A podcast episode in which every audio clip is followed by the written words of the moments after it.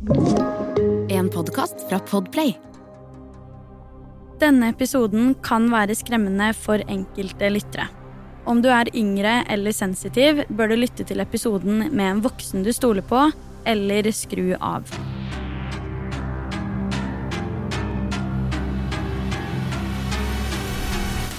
Hei og velkommen til en helt ny episode av Forsyningsfredag og god lille julaften.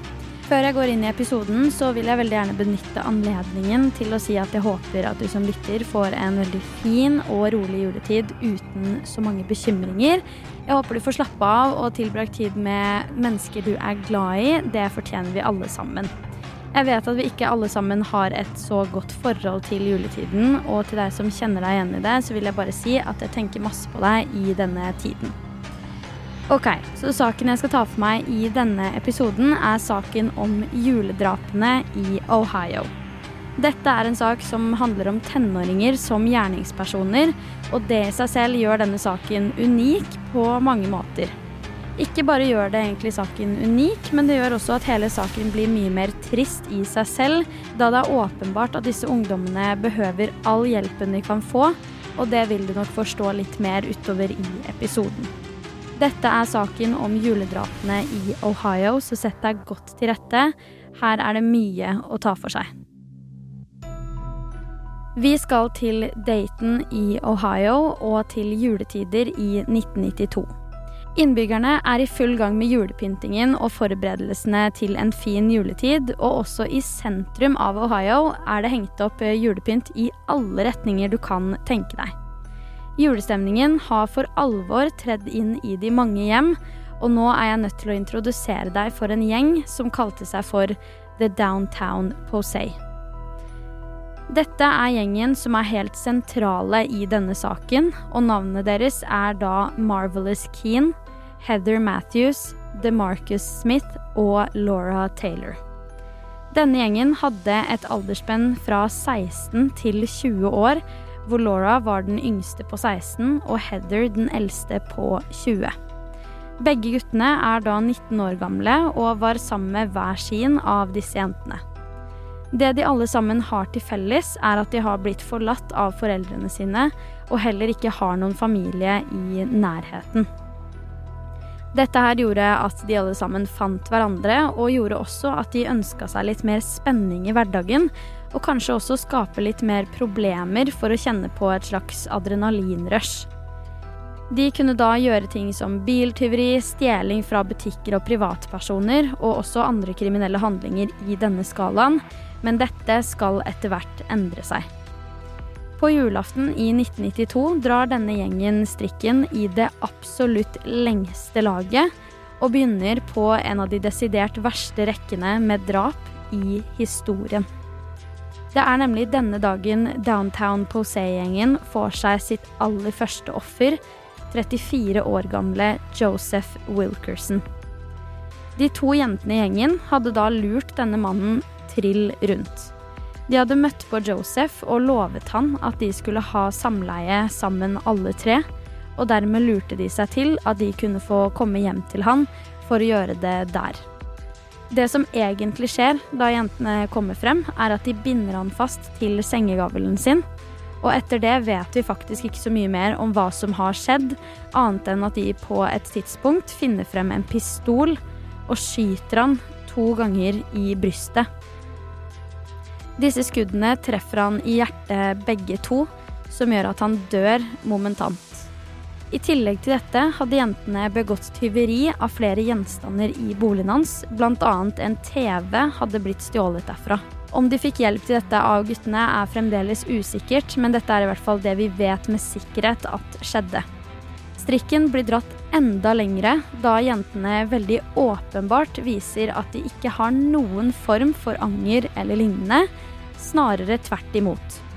Jentene velger faktisk å feire drapet med å invitere over en hel haug av venner til Josephs bolig mens han ligger død inne på soverommet. Det er allerede på denne festen at den andre hendelsen som denne gjengen er dømt for, skjer. En av gjestene jentene hadde invitert over, het Jeffrey Wright. Det som skjer her, er at Jeffrey skal ta en prat med Heather inne på et rom.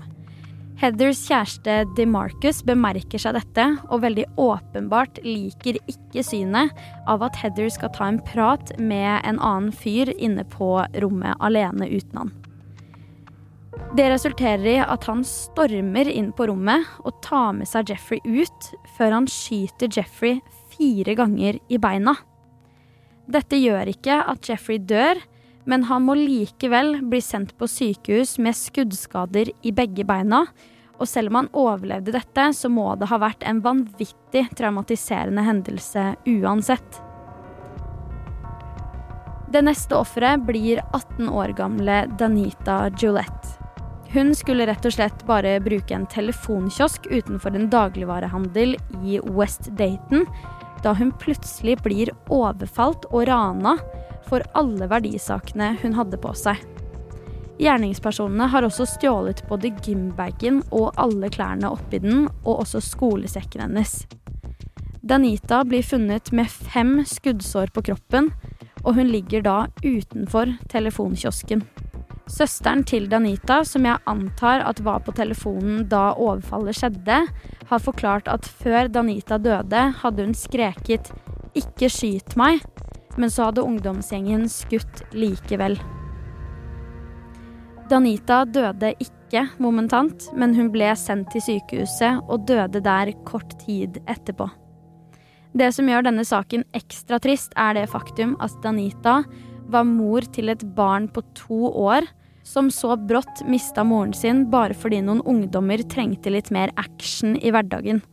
Det er så urettferdig som du får det, og i etterkant har søsteren til Danita uttalt følgende. Hun ga dem alt hun hadde. Jeg skulle bare ønske de sparte livet til søsteren min. Vitner som var i nærheten av det som ble et åsted, har forklart at de så to afroamerikanske menn på stedet, som kjapt løp derfra og satte seg inn i en rød bil. Dette skulle vise seg å være DeMarcus og Marvelous.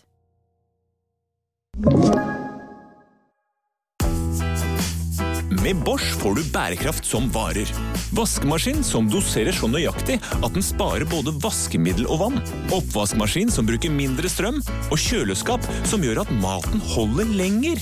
Slitesterke produkter som verken sløser med vann eller energi.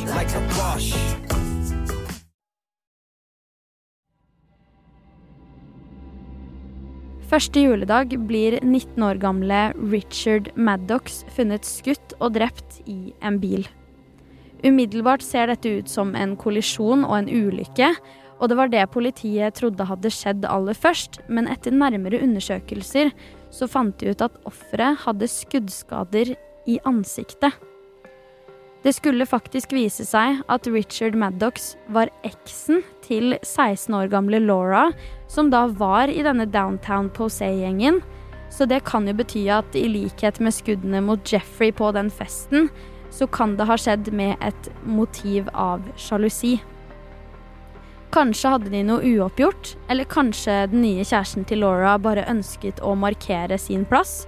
Også her har nemlig vitner forklart at det var to afroamerikanske gutter som var på åstedet i det aktuelle tidsrommet, som igjen hadde løpt derfra.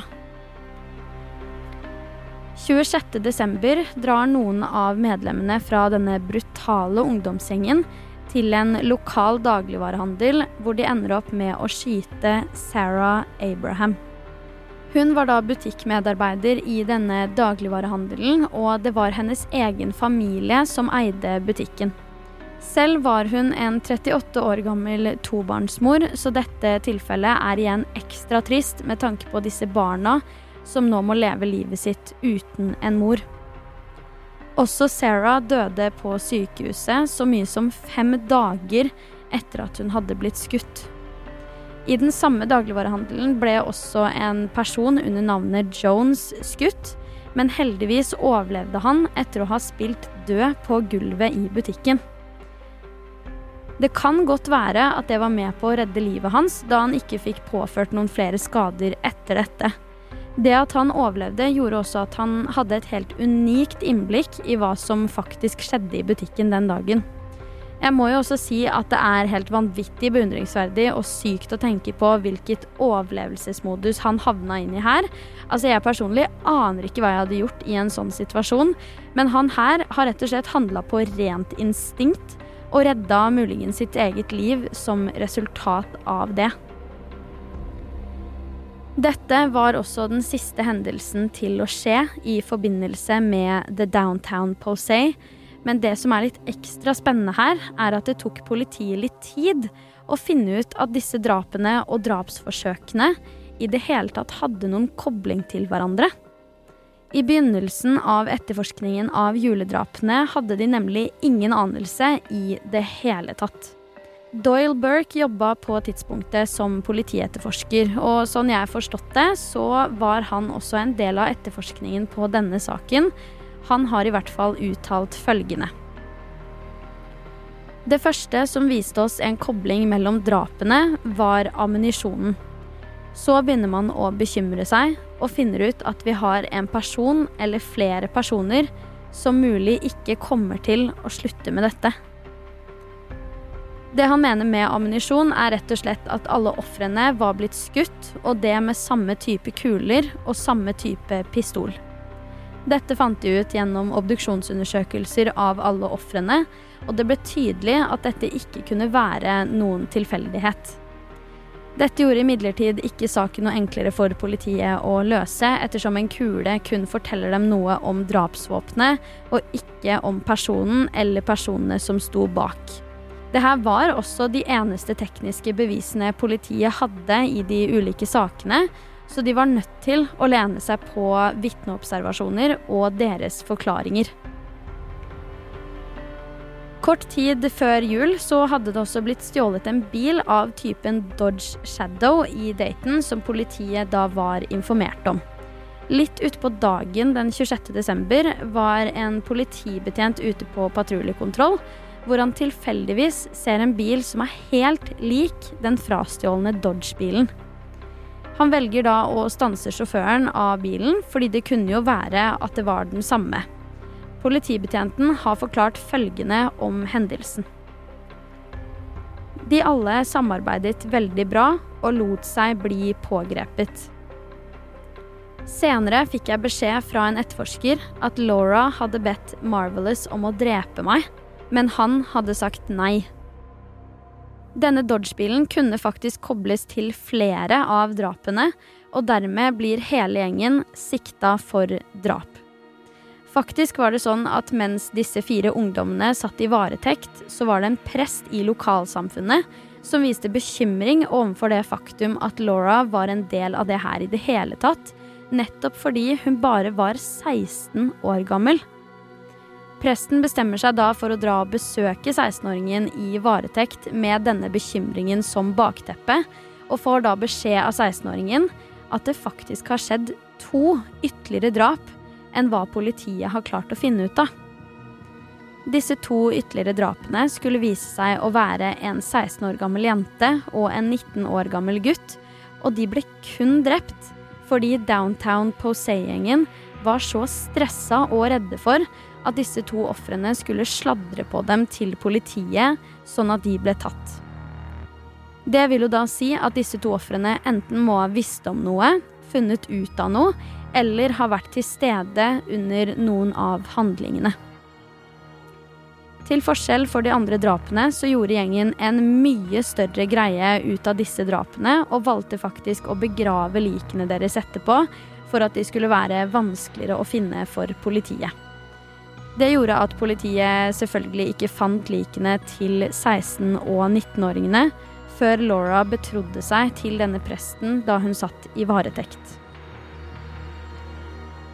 Den første personen til å innrømme drapene var 19 år gamle Marvelous Keane, som faktisk fikk dødsstraff for drapene. De andre i gjengen fikk imidlertid livstid i fengsel, men grunnen til dette var at Marvelous ble ansett som hjernen bak alle disse drapene. Og visstnok var det han som hadde fått med seg alle de andre på det her, inkludert kjæresten sin på bare 16 år. Heather Matthews har faktisk forklart i ettertid hva som var grunnen til at hun ønsket å være en del av denne gjengen. og da sa hun følgende.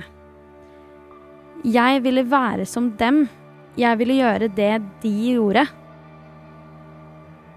Vi vet jo at disse guttene i hvert fall har tidligere historikk med kriminalitet, men spørsmålet er om de har tidligere historikk med drap, eller om det kun er, kall det, mindre handlinger.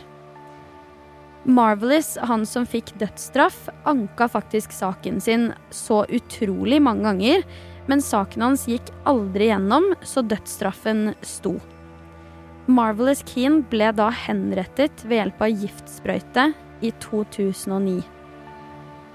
Dette her er en ufattelig trist og vanskelig sak, fordi i hvert fall jeg sitter igjen med ufattelig mange spørsmål til veldig mye i saken. Vi vet jo at de alle sammen hadde blitt forlatt av foreldrene sine, og dermed kanskje så en trygghet i hverandre, men hva er det uansett som driver så unge mennesker til å ta livet av helt uskyldige mennesker på denne måten? Det er også trist fordi det er åpenbart at disse ungdommene trengte hjelp på en eller annen måte, samtidig som man selvfølgelig skal straffes for handlinger man gjør i livet. Jeg er som alltid veldig interessert i å høre hva du tenker om denne saken, så om du har noen tanker, refleksjoner eller kanskje spørsmål, så send det gjerne inn til meg på Instagram, der jeg heter Forsvinningsfredag. Du har hørt Forsvinningsfredag podkast med meg, Sara Høydahl. Nå nærmer vi oss slutten av desember, og også slutten av å ha to episoder i uka her i podden. Men jeg håper virkelig at du har funnet det interessant, og at du gleder deg til fortsettelsen i januar. Det gjør i hvert fall jeg. Tusen takk for at du har lytta til episoden. Jeg er tilbake med en helt ny en allerede på tirsdag. Og i mellomtiden, ta vare på deg selv.